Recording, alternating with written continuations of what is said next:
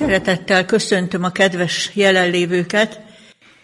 Az apostolok cselekedeteiről írott könyvön haladunk végig, hogy megismerjük, milyen is volt az a, a Szentlélek kiárasztása utáni apostoli kereszténység, és legutóbb addig jutottunk, hogy Pálapostól elindult a harmadik misszió útjáról Jeruzsálembe, oda akart érni, eredetileg husvét ünnepére, de miután értesült egy ellene készülő összeesküvésről, hogy a hajón megölhetik, akkor útirányt változtatott, és így csak pünkös ünnepére ért fel Jeruzsálembe.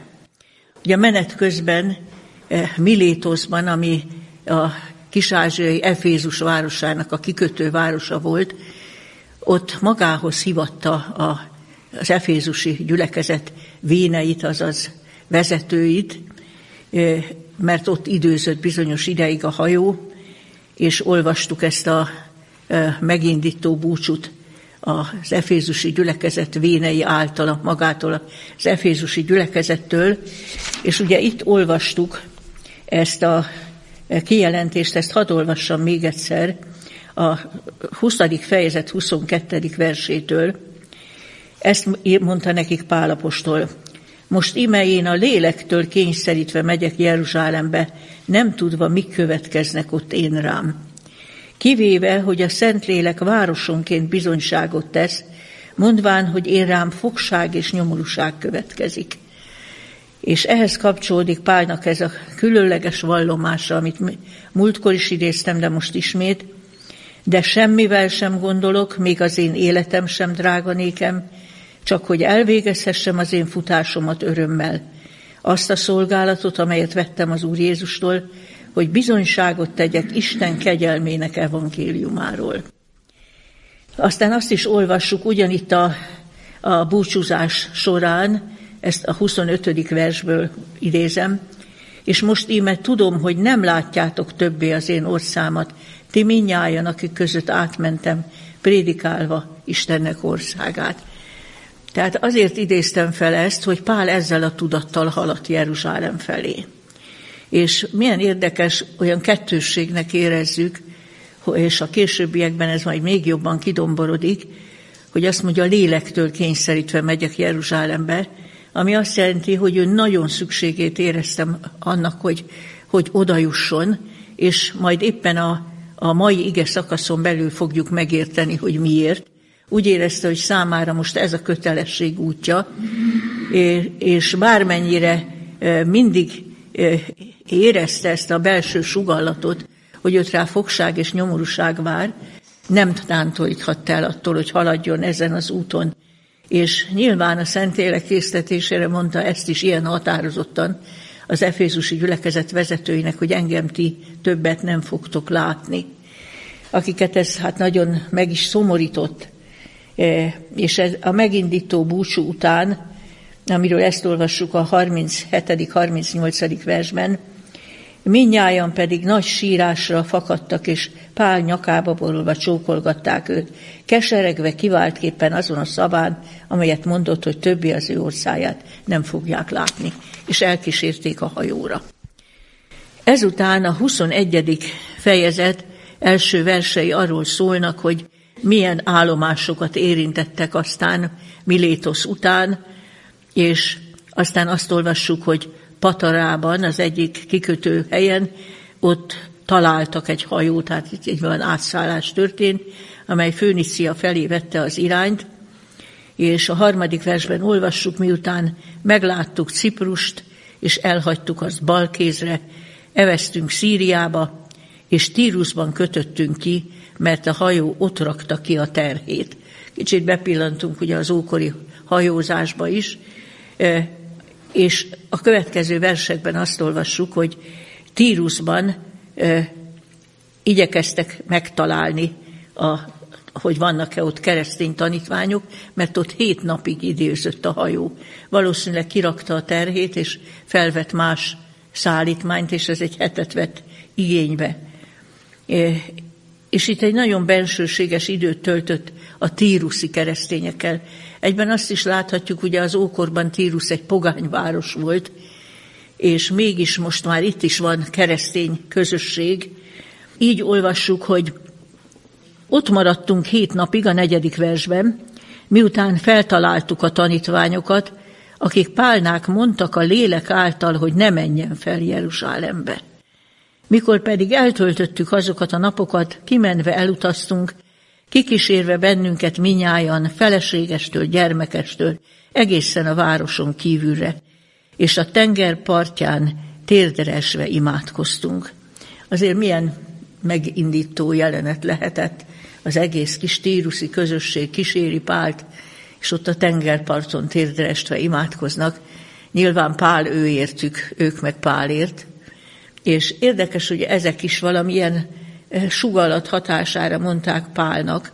Így olvastuk szó szerint, hogy, hogy eh, eh, mondták a lélek által Pálnak, hogy ne menjen fel Jeruzsálembe.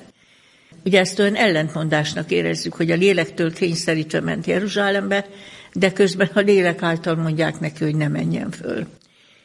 Ezt csak úgy fejthetjük meg, látjuk, hogy még találkozunk majd ilyen esettel a továbbiakban is, hogy Pál ezt abszolút kötelességnek érezte, hogy ő neki most ott valamit rendezni kell Jeruzsálemben, és ezt úgy érezte, hogy a Szentlélek vezeti erre az útra. Viszont ezek a megnyilatkozások, amelyekkel útközben találkozott, ezek, ezek előre készítették föl arra, amit következik, figyelmeztették őt, és részben próbára tették, hogy halad-e tovább az útján ennek ellenére, de felkészítették, figyelmeztették arra, megerősítették azt, ami neki benne eleve egy sugalat volt, hogy ott ráfogság és nyomorúság vár. Aztán így olvasom tovább a nyolcadik versben. Másnap pedig elmenvén Pál, és akik ővele voltak, érkeztünk Cézáreába. De bocsánat, kihagytam egy verset véletlenül, tehát még a hetediket is olvasom.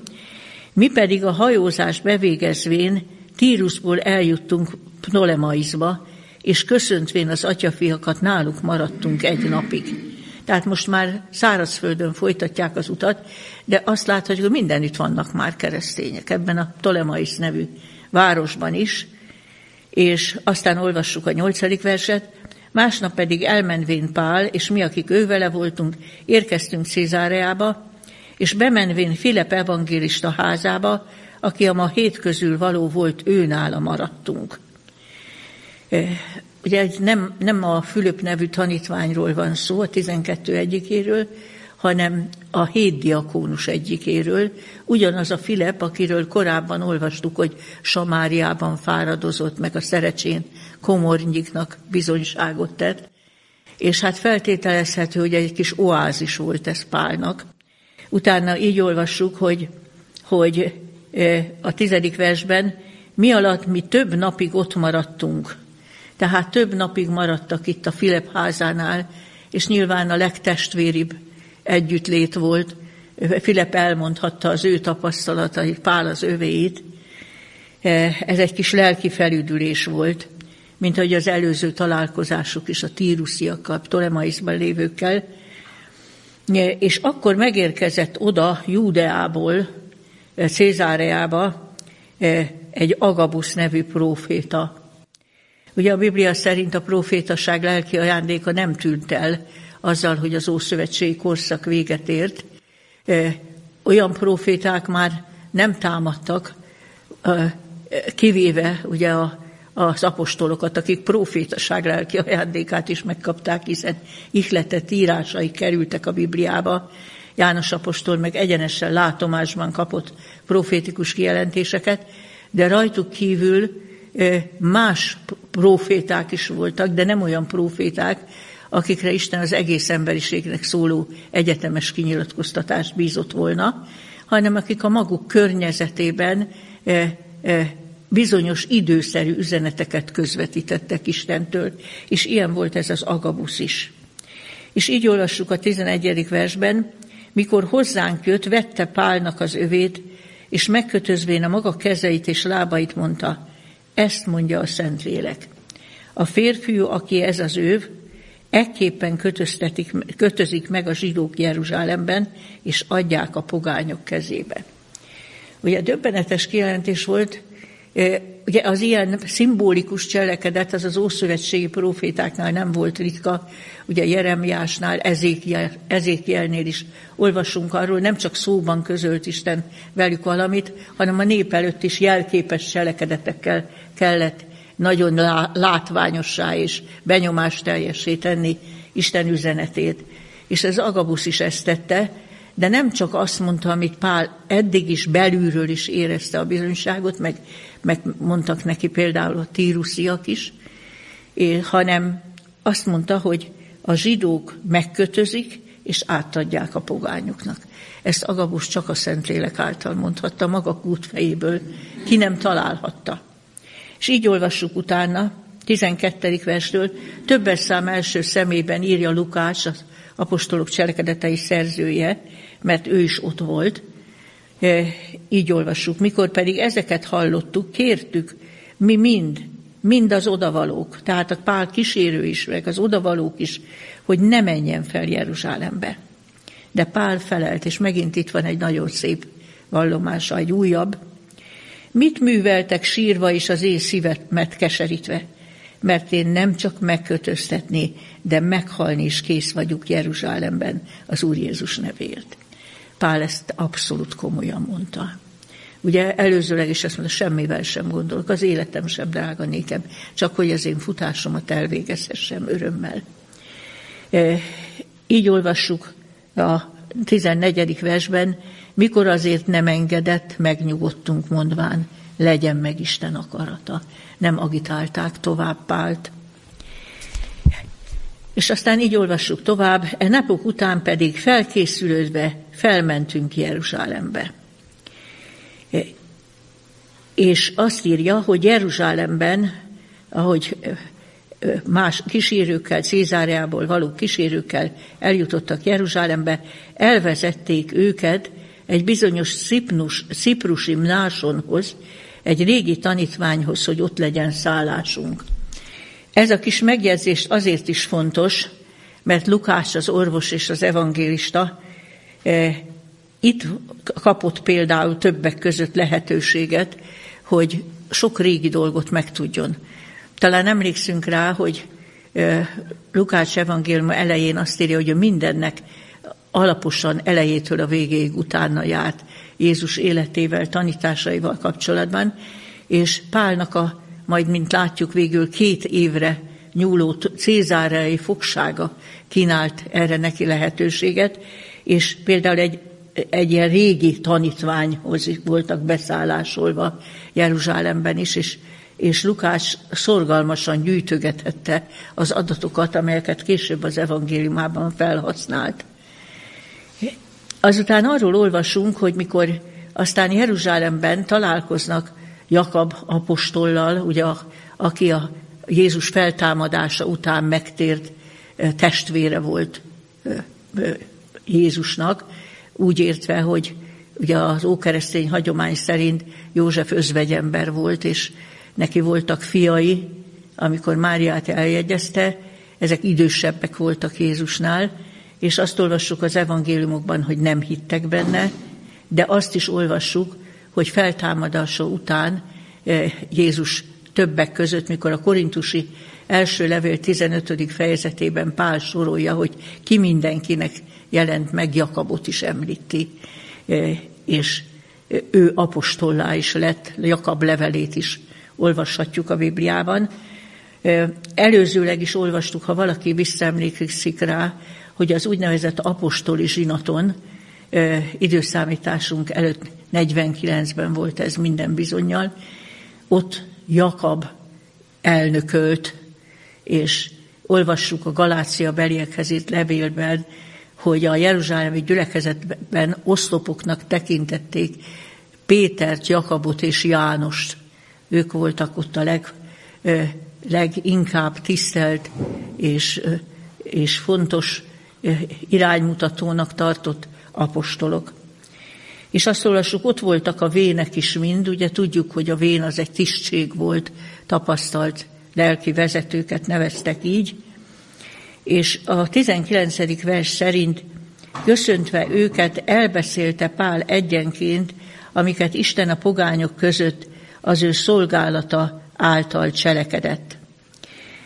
Tehát e, Pál egy hosszú beszámolót tarthatott, amit ők örömmel hallgattak. Ekkor adta át Pál azokat az adományokat is, amelyeket a pogányok között gyűjtöttek a, a jeruzsálemi júdai keresztények javára, mert ott nagyobb szegénység volt. És ez mutatta, hogy Pálapostól azon dolgozik, hogy zsidók és pogányok testvérként szeressék és támogassák egymást, és elfogadják egymást. És így olvassuk a 20. versben, azok pedig ezt halván dicsőítették az Urat. De amit ezután mondtak Pálnak, az most már rávilágít arra, hogy miért sietett Pál Jeruzsálembe. Miért érezte abszolút kötelességnek, hogy neki oda el kell jutni, és valamit el kell rendezni. Így olvassuk tovább. A 20. versben mondták néki, látod, atyám fia, mely sok ezren vannak zsidók, akik hívőkké lettek, és minnyáján buzognak a törvény mellett. Felőled pedig azt hallották, hogy te mindazokat a zsidókat, akik a pogányok között vannak, Mózestől való elszakadásra tanítod, azt mondva, hogy nem etéljék körül fiaikat, se zsidó szokások szerint ne járjanak. Micsoda annak okáért? Minden esetre össze kell gyülekezni a sokaságnak, mert meghallják, hogy idejöttél. Ezt műveld azért, amit néked mondunk. Van mi közöttünk négy férfiú, akik fogadalmat vettek magukra. Ezeket magad mellé vévén tisztulj meg velük, költs rájuk, hogy megnyíressék a fejüket, és megtudják mindenek, hogy semmi sincs azokban, amiket te felőled hallottak, most figyeljünk, hanem te magad is úgy jársz, hogy a törvényt megtartod. A pogányokból lett hívek felől pedig mi írtuk, azt, azt végezvén, hogy ők semmi ilyen félét ne tartsanak meg, hanem csak oltalmazzák meg magukat mind a bálványnak áldozott hústól, mind a vértől, mind a fulva volt állattól, mind a paráznaságtól. Hát nem tudom, kinek mi világosodik meg, mikor ezeket így olvassuk az írásban. Hát az egyik érdekes dolog, hogy megtudjuk, hogy sok ezre lettek Jeruzsálemben hívővé. Tehát nem kevesen. A idő múltával egyre többen lettek a keresztények. Mert milyen érdekes ez a mondat, minnyáján buzognak a törvény mellett. Itt a törvény nem egyszerűen az erkölcsi törvényt jelenti, hanem azt az egész ószövetségi törvényrendszert, ami ráadásul a rabbiknak a rendeleteivel is, hagyományaival is kiegészült, illetve sokszor összeolvadt. És itt láthatjuk azt a problémát, hogy a, a zsidóságból való Krisztus hívők, akik elfogadták Jézus messiásnak és keresztenyé lettek, nagyon nehezen szakadtak el a templomtól és az egész ószövetségi hagyománytól. Ők elfogadták Krisztust megváltónak, de ragaszkodtak a, a maguk kiválasztott nép voltához, és ugye azt mondták, hogy hát az egykori apostoli zsinaton mi megunk határoztó, a pogányoknak nem kell ezeket megtartani, de a zsidóknak igen. Szóval valami ilyen különbségtétel érvényesült, hogy azért továbbra is mi vagyunk a kiválasztott nép, nekünk többet kell teljesíteni, nekünk ezeket is meg kell tartani. Na most ugye az apostoli zsinaton korábban, egy, mint egy tíz évvel korábban, majdnem tíz évvel korábban, akkor ott tényleg a Szentlélek dolgozott, hogy a nagyon egyértelműen eldöntötték, hogy nem kell a pogányokra semmit vetni, és, de nem csak a pogányokra nem kell, hanem ott nagyon világosan értették, hogy itt új ügytörténeti korszak van, és, és Péter bizonyságot tett, hogy, hogy most már Isten eltörli a válaszfalat zsidók és pogányok között. És Pál is mindig ezt képviselte. Például Galácia belékhez írt levélben ezt írta, hogy Krisztusban nincs sem zsidó, sem görög, sem szolga, sem szabad, sem férfi, sem nő, hanem mindenekben a Krisztus.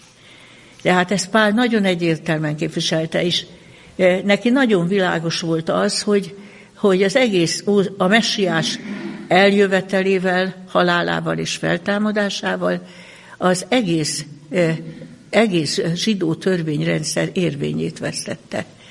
Ugye az ő halála és feltámadása nyomán megszűnik a, a templom érvényessége, megszűnik a benne folyó szolgálatoknak az érvényessége.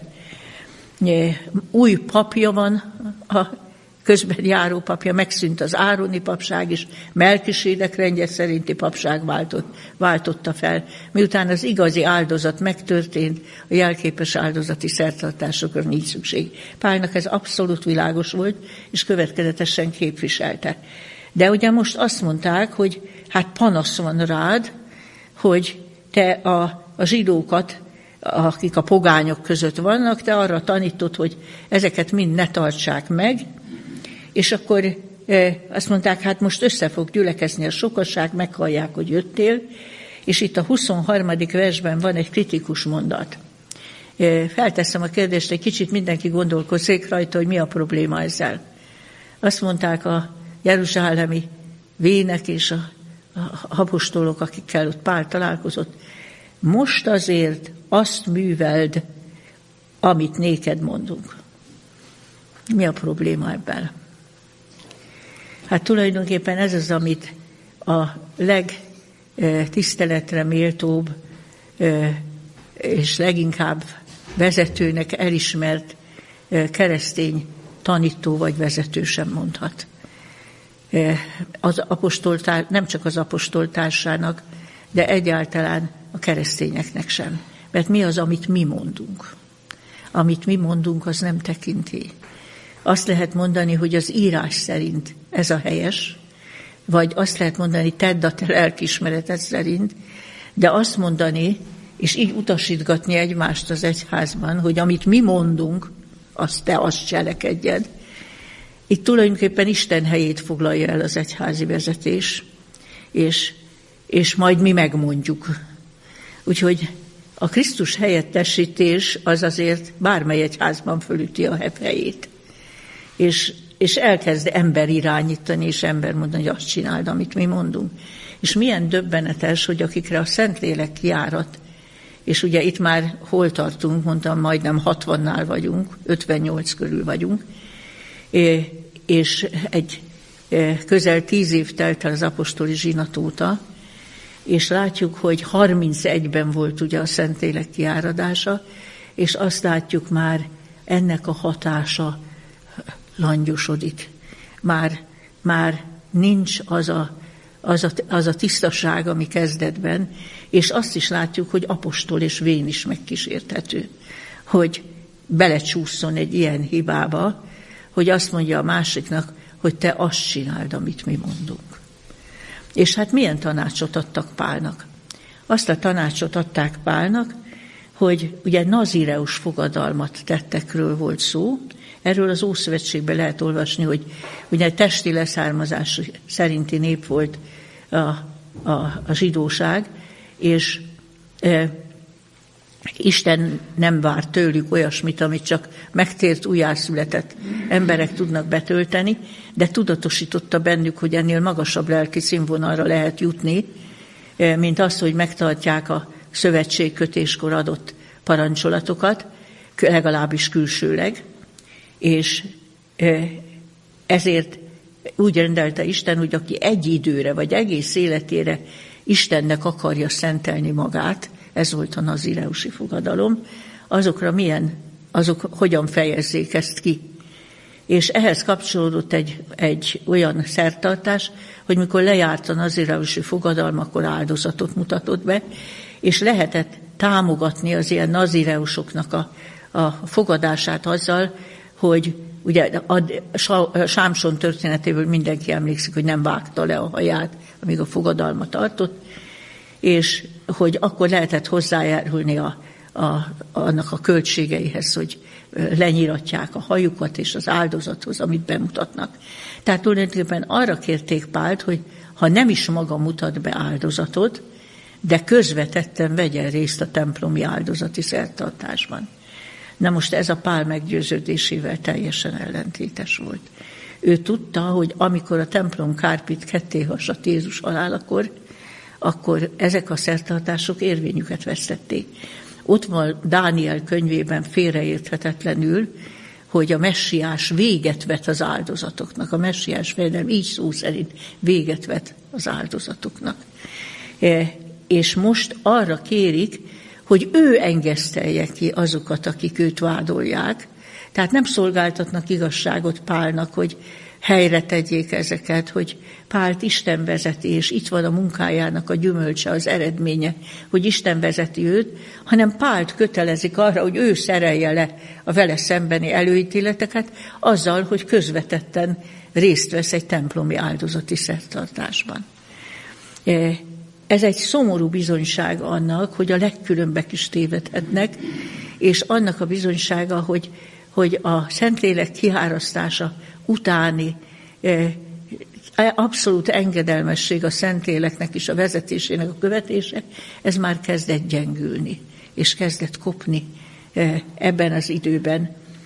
És a 26. versben ezt olvassuk, akkor Pál maga mellé véve azokat a férfiakat, másnak ővelük megtisztulva, tehát még egy tisztulási szertartásban is részt vett, pedig tudta, hogy ezek sem érvényesek már, bement a templomba, bejelentve a tisztulás napjainak elteltét, amíg mindegyikükért elvégeztetik az áldozat.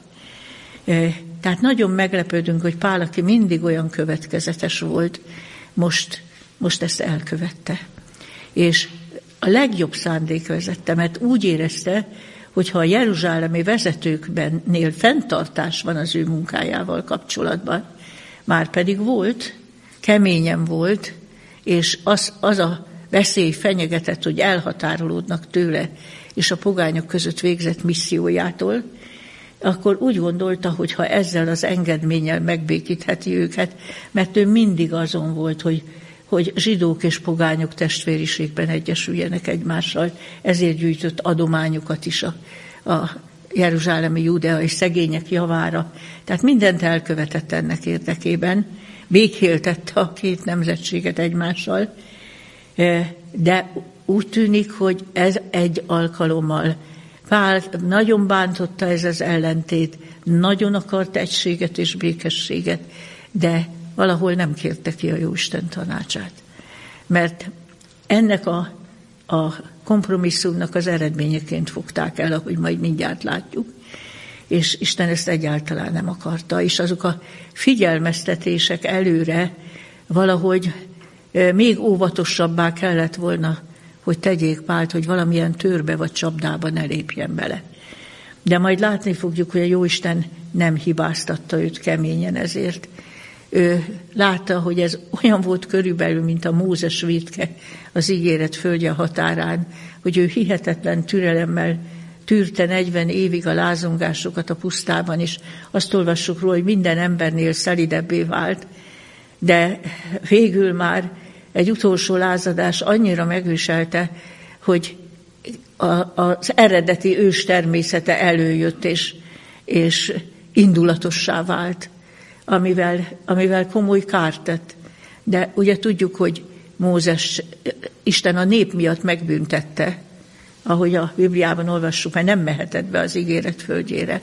De az Úr úgy kompenzálta ezt, hogy ahogy olvassuk Júdás levelében és az evangéliumokban látjuk, hogy, hogy feltámasztotta őt, miután meghalt, és, és a mennybe jutott különleges kivételként, ezért jelenhetett meg a megdicsülés hegyén illéssel együtt Jézusnak, és bevitte az igazi ígéret földjére, különb ígéret földjére, mint, mint ahova, ahova ő belépett volna.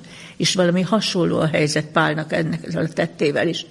Meggyötörte ez az ellentét, és egy pillanatra megbillent, és annélkül, hogy Isten tanácsát kérte volna, csak az került előtérbe, hogy, hogy békesség, egység próbálja ezt elérni. Ebből láthatjuk azt, hogy sohasem szabad békesség és egység kedvéért elvi kérdésekben megalkudni, nem vezet jóra. Pál példája tanúsítja ezt.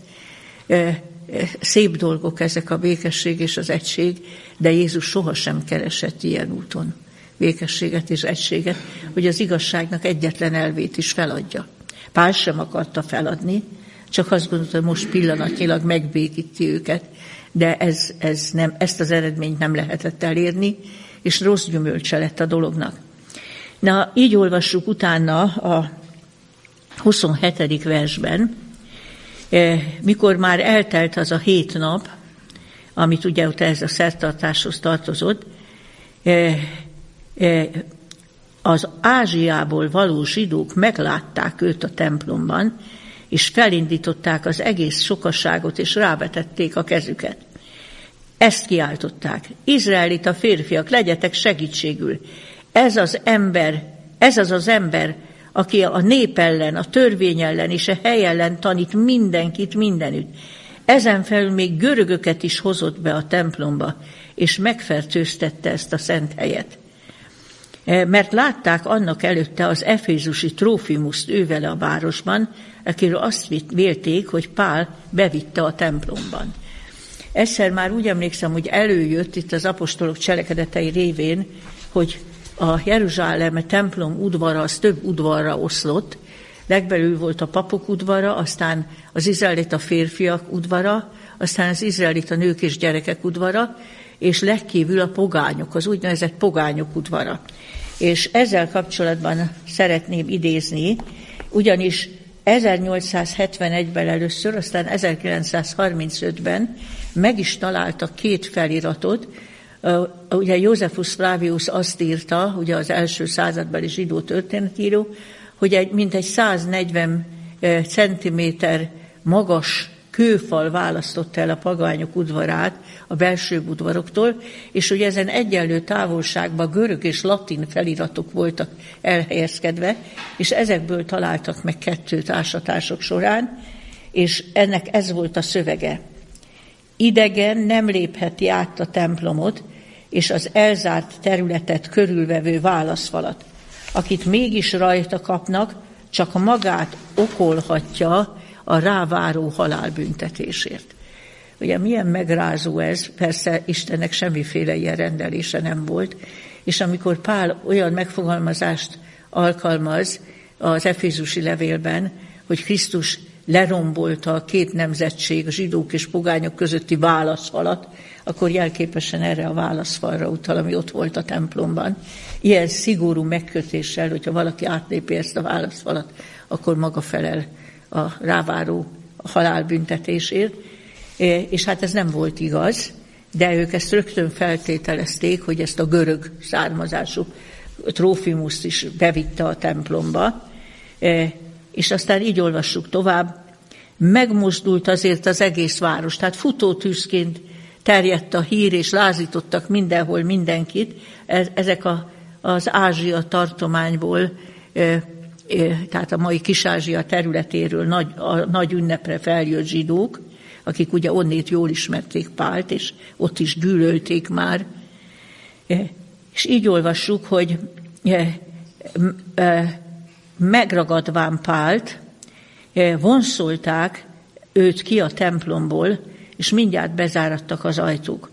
Mikor pedig meg akarták őt ölni, feljutott a hír a sereg ezredés, ezredeséhez, hogy az egész Jeruzsálem felzendült. Aki azonnal vitézeteket és századosokat vévé maga mellé lefutott hozzájuk. Azok pedig, amikor meglátták az ezredest és a vitézeket, megszűntek Pált verni. E, akkor odaérvén az ezredes elfogadta őt, és parancsolta, hogy kötözzék meg két lánccal, és tudakolta, hogy mit cselekedett. De ki egyet, ki mást kiáltott a sokaság között, és mikor nem érthette meg a bizonyos valóságot a zajongás miatt, parancsolta, hogy vigyék őt a várba. Milyen várról van szó? A templom észak-nyugati sarkánál volt az Antónius vár, az Antónius erőd, amit még Heródes építetett, és a a római helyőrség ott állomásozott. Általában mint egy ezer emberből állt ez a helyőrség, és a városban gyakran voltak lázongások, ezek mindig készenlétben voltak, hogy a templomban valami zűr tör ki, akkor az ő feladatuk volt rendet tenni. És ez az ezredes volt a vezetőjük. És aztán azt olvassuk tovább, hogy hogy mikor a lépcsőkhöz értek, hogy vigyék fel az Antonius erődbe, akkor így olvasom, úgy vitték a vitézek a néptömeg erőszék tétele miatt, mert követte őt a népnek sokasága, kiáltozva, öld meg őt. Ez milyen megrázó jelenet volt. Tehát szinte a vállukon kellett vinniük Pált, hogy nehogy a tömeg széttépje Pált. E, és így olvassuk, hogy a 37. versben, mikor immár a várba akarták bevinni, vált, bevinni Pált, mondta az ezredesnek, vajon szabad-e nekem valamit szólnom te hozzád? Azt pedig mondta, tudsz görögül? Majd a későbbiekből kiderül, hogy azt hitte, hogy ő egy ilyen fanatikus egyiptomi zsidó, aki maga mellé vont embereket, és azért csodálkozva kérdezte, te tudsz görögül? Hát nem te vagy az, ez az egyiptomi, aki a napoknak előtte fellázította és kivitte a pusztába azt a négyezer orgyilkos férfiút. Ugye ez egy ilyen rómaiak elleni erőszakos mozgalom volt, Józefus Flavius is megemlékezik róla, azt mondja, fanatikus embereket vitt magával az olajfák hegyére, és onnét akarta bevenni a rómaiaktól Jeruzsálemet, de aztán ugye a, a római katonaság rajta ütött ezen, és a, vagy megölték ezeket az embereket, vagy szétfutottak, de a, a magát az egyiptomit, aki fellázította őket, nem találták. És az ezredes azt gondolta, hogy Pál az. És azért itt van körülötte ez a csődület, meg zajongás. És mondta Pál, én ugyan tárzusi zsidó ember vagyok, Cilícia nem ismeretlen városának polgára, de kérlek téged, engedd meg nékem, hogy szóljak a néphez. Mikor aztán e, az megengedte, Pál a lépcsőkön állva intett kezével a népnek, és mikor nagy csendességlőn megszólalt zsidó nyelven mondván. Ez azért egy olyan megindító jelenet. Pál lelke mennyire buzgott a honfitársaiért, mennyire szeretett volna rajtuk segíteni.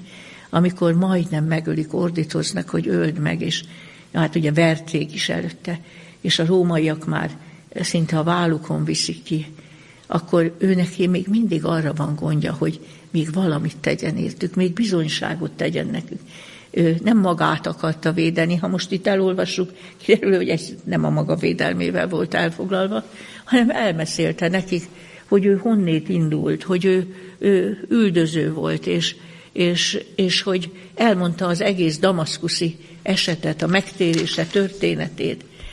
De a megtérése történetébe beleszőtt egy mozzanatot, már túl a megtérése történetén. Így olvassuk a 17. versben megemlékezett arról, hogy a megtérése után három évvel felment Jeruzsálembe, és így olvasom a 17. versben. Történt pedig, hogy amikor Jeruzsálemben megtértem és imádkoztam a templomban, elragadtattam lelkemben. És láttam őt, aki ezt mondta nékem. Siess, menj ki hamar Jeruzsálemből, mert nem veszik be a te tanúbizonyság tételedet én felőlem. És én mondtam, Uram, ők maguk tudják, hogy én tömlözbe vetettem, és vertem zsinagógánként azokat, akik hisznek te benned. És mikor a mártírodnak, Istvánnak vére kiontaték, én is ott voltam, és helyeseltem az ő megöletését, és őriztem azoknak köntösét, akik őt megölték. És mondta nékem, eredj el, mert én messze küldelek téged a pogányok közé. Tehát e, ezt csak innét tudjuk, máshol nem jegyzik föl sem az apostolok cselekedeteim, sem az apostolok e, levelek nem emlékeznek meg róla, hogy egy azért igyekezett, azt gondolta, ő a leghitelesebb tanúságtevő Jeruzsálemben, hiszen mindenki tudja, hogy a főtanács tagja volt, mindenki tudja, milyen szerepe volt az üldözésben, és ha ő tesz nekik bizonyságot Krisztusról, akkor hallgatni fognak rá, és nagyon-nagyon nehezen mondott le erről a tervéről, hogy ő ott a honfitársait mentse, és ezek szerint látjuk, hogy a feltámadt Jézus személyesen újra megjelent néki, mikor a templomban buzgón imádkozott, és határozottan azt mondta, e, nem veszik be a te bizonságtételedet én felőlem, menj el, mert én téged messze küldelek a pogányok közé. Na most figyeljük meg, ennek milyen hatása volt a 22. verset olvasom, és a 23-at. Hallgatták pedig őt e szóig, de most felemelték szavukat mondván, töröld el a föld színéről az ilyet, mert nem illik néki élni. Mikor pedig azok kiabáltak, köntösüket elhányták és porszórtak a fejükbe, parancsolta az ezredes, hogy vigyék őt a várba, mondván, hogy korbácsütésekkel vallassák ki őt, hogy megtudhassák, mi, megtudhassa, mi okért kiabálnak úgy rá. Tehát jellegzetes az a pont, ahol nem hallgatták Pált, mert először lehiggadtak, nagy csendesség lett, hallgatták egy darabig, ugye Héber nyelven szólt hozzájuk. És amikor azt mondta, hogy Isten azt mondta neki, hogy én téged messze küldelek a pogányok közé, akkor megint fellángolt ez a féltékenység, megint a saját kiváltságaiknak a féltése, és olyan nagy felháborodást produkáltak, hogy eldobálták a felső ruháikat, port szórtak a levegőbe, minden módon kifejezték, hogy, hogy és mondták azt, hogy, hogy töröld el a föld színéről, az ilyet nem illik néki élni. És mikor, a, a, amikor Pált már lekötözték, hogy megkorbácsolják és vallassák, a 25. versben ezt olvassuk. Egyébként tudjuk, hogy a korbácsolás milyen kegyetlen dolog volt, ugye Jézust is megkorbácsoltatta Pilátus, ugye a, a, a szíba, a korbácsnak a szíjába csonddarabokat vagy fénydarabokat tettek, és ez kegyetlen szenvedést okozott ez a, ez a megkorbácsolás, és életre szóló nyomokat hagyott, ha túlélte is valaki. E, és akkor Pál e, azt mondta a, az ezredesnek, illetve nem az ezredesnek, hanem a századosnak, akit megbízott az ezredes, vajon szabad-e nektek római embert, akit el nem ítéltek megostorozni? Miután pedig ezt meghallotta a százados, elmenvén megjelentette az ezredesnek mondván, meglásd, mit akarsz cselekedni, mert ez az ember római. Hozzá menve azért az ezredes mondta neki, mondd meg nekem, római vagy-e? Ő pedig mondta az. Mondta az ezredes, én nagy összegért vettem meg ezt a polgárjogot. Pál pedig mondta, én pedig benne is születtem. Mindjárt eltávoztak azért tőle, akik őt vallatni akarták, sőt az ezredes is megijedt, amikor megtudta, hogy római, és őt megkötöztette. Hát itt megállok csak egy kis pillanati kitérőre, hogy ugye tudjuk, hogy ma is a jogászok tanulnak római jogot, mert a római jog komoly dolog volt. E, és mikor az ember ezt olvassa, arra gondol, hogy hova lett a jog. E, világszerte probléma. Ahogy az emberek elfeledkeznek becsületesek lenni, vagy megszűntek becsületesek lenni, a jogot lehet sűrni, csavarni, kijátszani ezerféleképpen. Itt még komolyan vették a jogot. Nem, ilyen nincs, hogy, ilyen nincs, hogy egy római embert, akit el nem ítéltek, azt megostoroztatni, de még csak megkötöztetni is. Én megfigyeltem, ezt nem tudom, más is megfigyelte-e, hogy az én fiatal koromban olyan sokszor lehetett hallani ilyen szót, hogy ez egy becsületes ember például. Vagy hát ez becsület dolga. A becsület szó kikopik a mai szóhasználatból. Hallja valaki gyakran emlegetni? Úgy, úgy eltűnik. Azért, mert nincs. És ha az emberekben nincs szívbeli becsületesség, akkor lehet akármilyen jog. Akkor az, azt, ahogy mondtam, teljesen ki lehet játszani. És ez egy világviszonylatú probléma. Egyes helyeken meg különösen éles probléma. És azután akkor nézzük a történetet még egy kicsit tovább. Azt olvassuk, hogy e, másnap pedig meg akarván tudni a bizonyos valóságot, hogy miben vádoltatik a zsidóktól, feloldotta Pált bilincseiből, és megparancsolta, hogy a főpapok és az ő egész tanácsuk egyben hozzá menjenek, és levezetvén Pált eléjük állította. Tehát Ugye a Sanhedrinről van szó, aminek a, a, amit a, a, meghagytak a rómaiak is egy bizonyos önkormányzati testületén, testületként csak, csak pallós joguk nem volt, a halálos ítéletet nem hozhattak a helytartó jóváhagyása nélkül. Aztán a 23. fejezet így kezdődik, mikor pedig a tanácsra vetette szemét Pál mondta, Atyám fiai, én teljes jó lelkismertel szolgáltam Istennek minden mai napig. Anániás főpap pedig megparancsolta azoknak, akik ő mellette álltak, hogy üsséghűt szálljon. Megkérdezem, hogy milyen törvényessége volt ennek a bírósági tárgyalásnak. Ahogy megszólalt a főpap, intett a mellé állt állóknak, hogy üssék szálljon. És akkor Pál mondta neki, e, megvert téged az Isten, te kimeszelt fal. Ugye ez a kimeszelt fal mire utalt? Jézus mondott ilyet, e, egyszer a farizeusok és a, az írástudók elleni vádbeszédében, azt mondta, olyanok vagytok, mint a messzelt sírok.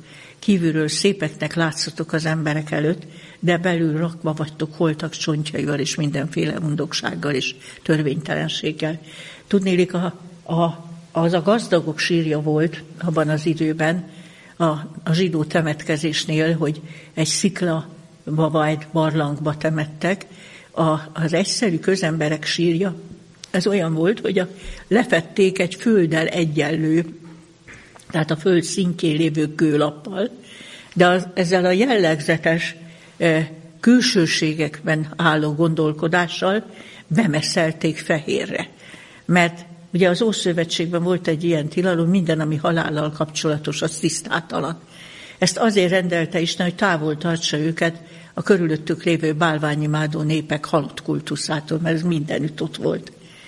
És ezzel akarta őket távol tartani. Most ők bemeszelték fehérre ezeket a kőlapokat, hogy nehogy valaki véletlenül rálépve tisztátalan legyen.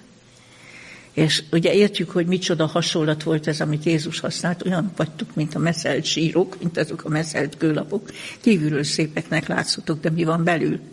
És ezért mondta, hogy te kimeszelt fal, mondta neki. E, itt, e, te leülsz engem a törvény szerint megítélni, és törvényellenesen cselekedve parancsolod, hogy engem verjenek. De azt mondja, miféle törvénykezés lesz itt? E, az ott állók pedig mondták, az Istennek főpapját szidalmazod-e? Pál pedig mondta, nem tudtam, atyám fiai főpap, mert megvan írva a te néped fejedelmét ne áthoz.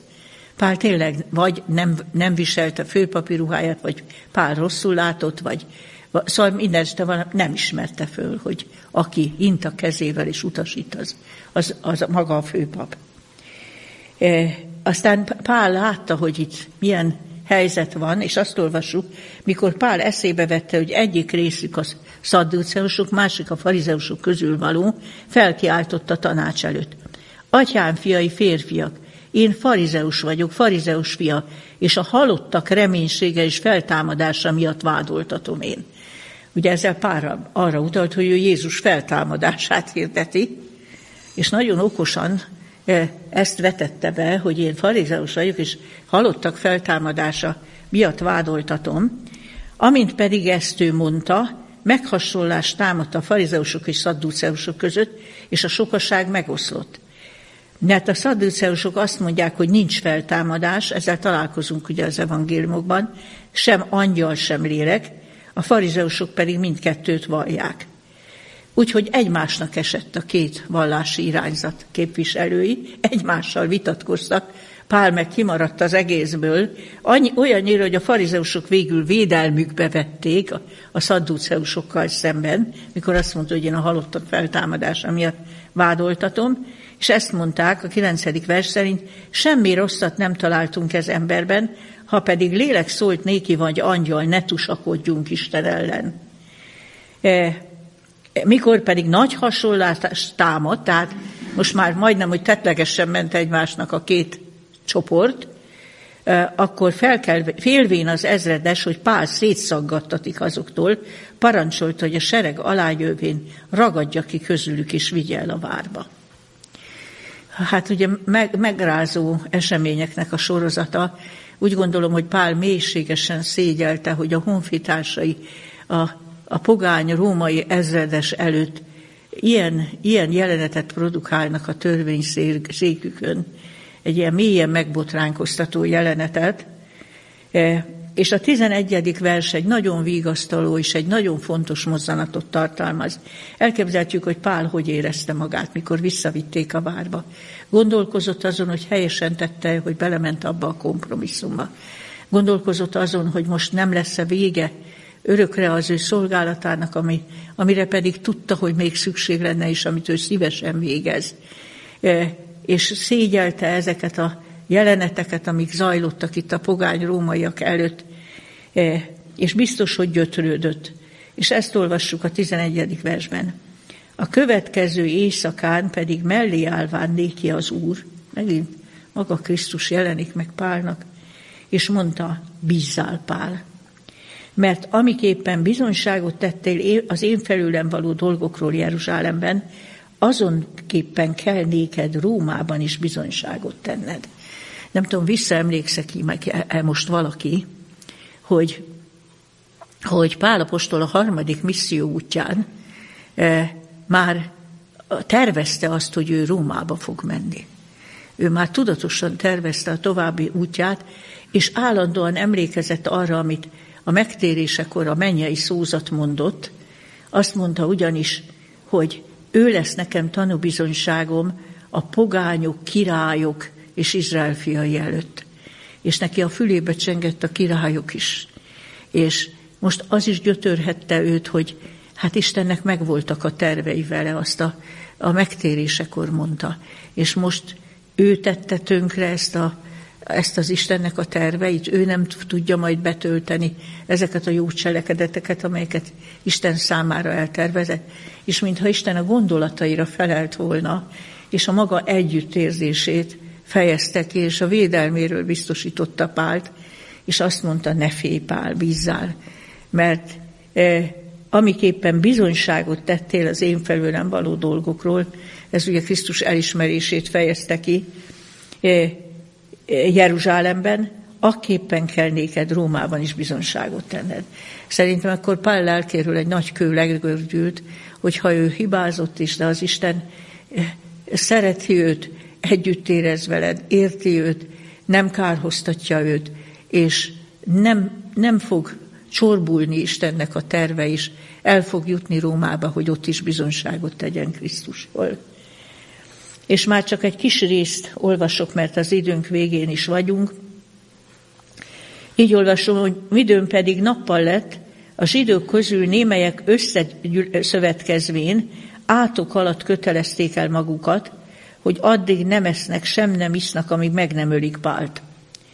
Többen voltak pedig negyvennél, akik ezt az összeesküvést szőtték. Micsoda fanatizmus uralkodott, micsoda gyűlölet, hogy negyven férfi szövetkezett így, micsoda düh volt bennük, és micsoda gyűlölet, hogy negyven napig nem esznek, nem isznak, eh, addig, eh, amíg, eh, illetve ők voltak negyvenen, és hogy nem isznak, nem esznek addig, amíg meg nem ölik Pált. Tehát ezt nyilván akkor rövid idő alatt meg akarták valósítani. És akkor még megrázóbb a 14. 15. vers, ezek elmenvén a főpapokhoz és a vénekhez mondták, átok alatt megesküdtünk, hogy semmit nem ízlelünk addig, amíg meg nem öljük Pált. Most azért ti jelentsétek be az ezredesnek a tanácssal egybe, hogy holnap hozza le őt ti hozzátok, mintha az ő dolgának tüzetesebben végére akarnátok járni. Mi pedig mielőtt ide érnek, készek vagyunk őt megölni. Hát most akkor valaki kíváncsi rá, hogy mi volt erre a válasz. Hát főpapokhoz mentek, és felajánlották a szolgálatukat, és mondták, megadták a stratégiai tervet, hogy, hogy az ezredestől kérjék el párt, hogy tüzetesebben utána akarnak nézni, ők pedig gondoskodnak, hogy ide se fog érni, és megölik útközben. Hogy e, ugye milyen megrázó, ez éppen olyan, mint mikor Jézusról tanácskoztak meg. Még azt is tanácskoztak, hogy, hogy Lázárt is megölik, mert a Lázár feltámasztása az miatt úgy gondolták, hogy mindenki hinni fog ő benne. Képesek lettek volna azt az embert, akit Krisztus feltámasztott, megölni, azért, hogy a a Jézus misszióját akadályozzák, és az ő népszerűségét meg, megállítsák. Hát itt is ez döbbenet. Semmiféle ellenvetés nem volt, megtörtént az alkú, és mint látni fogjuk, meg is üzenték az ezredesnek, hogy másnap vigye le hozzájuk Pált. E, és aztán így olvassuk a tizedik verstől, hogy működik ilyenkor az isteni gondviselés. Ugye előző éjszaka e, mondta Isten Pálnak, hogy ne félj Pál, bízzál Pál, és te Rómába fogsz jutni. Hát most így láthatjuk, hogy fej fel mellett van az Isten terve, az Isten szándéka, és az ős ellenségnek a terve. És így olvassuk, Meghálván azonban Pál nőtestvérének fia egy cselvetést, megjelenvén és bemenvén a várba, tudtára adta Pálnak. Pál pedig egyet a századosok közül magához hivatván mondta, ezt az ifjat vezesd az ezredeshez, mert akar valamit neki jelenteni. Annak okáért maga mellé vévén őt vitte az ezredeshez, ezredeshez is mondta, a fogoly Pál magához hivatván engem kérte, hogy ezt az ifjat hozzád vezessem, mert valamit akar neked mondani. E, az ezredes pedig őt kézen fogva és félre vonulva külön tudakolta. Micsoda az, amit nékem jelenteni akarsz? Az pedig mondta, a zsidók elvégezték, hogy megkérnek téged, hogy Pált holnap vidd le a tanács elé, mintha valami tüzetesebben meg akarnának tudakolni felőle. Te azért ne engedj nekik, mert közülük negyvennél több férfi leselkedik ő utána, akik átok alatt kötelezték el magukat, hogy sem nem esznek, sem nem isznak addig, míg meg nem ölik Pált. És immár készen vannak, várakozva a te üzenetedre. Figyeljük meg, ez azt jelenti, hogy már elküldték a kérést. Már az ezredes tudta ezt a kérést. És azok már készenlétbe várakoztak az ezredes igellő válaszára hogy akkor véghez vigyék a tervüket. Ugye a lélegzet elállító, hogy az Isten terve, meg az ördög terve, meg az eszközei itt vannak fej-fej mellett. E, az ezredes tehát elbocsátotta az ifjat, meghagyván neki, hogy el ne mond senkinek, hogy ezeket megjelentetted nékem. És hogyan intézkedett? Magához hivatván kettőt a századosok közül mondta, készítsetek föl 200 vitézt, hogy induljanak Szézáriába, 70 lovast, és 200 paritjást az éjszaka harmadik órájától fogva. És hogy barmokat is adjanak melléjük, hogy Pált felültetve békességgel vigyék Félix helytartóhoz. Levelet is írt, amit most én ugye nem olvasok föl, amiben ugye a helytartónak röviden vázolja, hogy ő hogy mentette ki Pált, és hogy mivel a zsidók leselkednek utána, elküldi hozzá Cézáriában, ott volt a, a helytartónak a székhelye. Ugye milyen döbbenetes, hogy a, a gyűlölettel és az összeesküvéssel szemben e, e, ilyen hatalmas kísérettel és éjszaka közepén indította, mert azra lehetett számítani, hogy ha ezek ilyen eltökéltek, akkor ha felfedezik, hogy viszik őt Cézáreába valamiképpen, e, akkor még megtámadják, és, és akkor ott tölik meg. Tehát ezért egy hatalmas sereggel küldte őt, és éjszaka közepén titokban vigyék őt Szézáreába. Tehát így láthatjuk, hogy így működött a gondviselés, hogy az összeesküvőknek a tervét meghiúsítsa. Fogalmunk sincs, hogy hogy hallotta meg Pál nővérének a fia, aki ez szerint, ezek szerint a nővére Jeruzsálemben él, hogyan tudta meg, de az Isten gondoskodott erről, és mint olyan sokszor szokta tenni, meghiúsította ezt. Van egy ilyen ige a 33. Zsoltárban, az Úr elfordítja a nemzetek tanácsát, és meghiúsítja a népek gondolatai. Olyan érdekes szó ez az elforgatás. Az Isten a gondviselésével olyan könnyedén el tudja forgatni az ellenségnek a terveit, és, és éppen, hogy más irányba terelni. Hát ma nem lépünk tovább, mert a, az időnknek a végére jártunk, itt folytatjuk, Tulajdonképpen ekkor kezdődik Pálnak a két éves cézáreai fogsága, mert végül ez két évre nyúlt. Itt majd sor kerül újabb meghallgatásokra, egy helytartó vállalatásra is. Félix helytartó után a Porcius Festus új helytartónak a kezébe kerül, és majd látni fogjuk, hogy végül Pálnak az egyetlen lehetősége marad, hogy megmeneküljön a, a, tőle két év alatt szüntelenül lángoló gyűlölet ellen és a tervek ellen, hogy megöljék őt, hogy végül a császárra fellebez. És ezért akkor ugye a helytartó azt mondja, a császár ítélőszék elé tartozik, ő neki tovább kell adni az ügyet, és majd hajón Rómába kell juttatni Pált. Hát a következő alkalommal erről fogunk olvasni, és arról, hogy aztán Pál fogolyként hogyan érkezik meg Rómába. Ugye milyen érdekes az apostolok cselekedeteinek az egész íve, kezdődik, kezdődik a Jézus utolsó szavaival, a feltámadt Jézus utolsó beszélgetéseivel, a tanítványokkal, a mennybe menetelével, aztán a Szentlélek kiárasztásával, és odáig vezet bennünket, hogy lássuk az evangélium terjedését a római birodalomban, hogy Pál megérkezik Rómába, a világ akkori fővárosába. Másképpen, mint ahogy ő tervezte, de hogy Isten megígérte, vigyázott rá, hogy eljusson oda, és a bizonyságtételét ott is megtehesse a gyilkos tervek ellenére, amelyeket ellene szőttek. Köszönöm szépen a figyelmet, itt fogjuk folytatni akkor május másodikán este.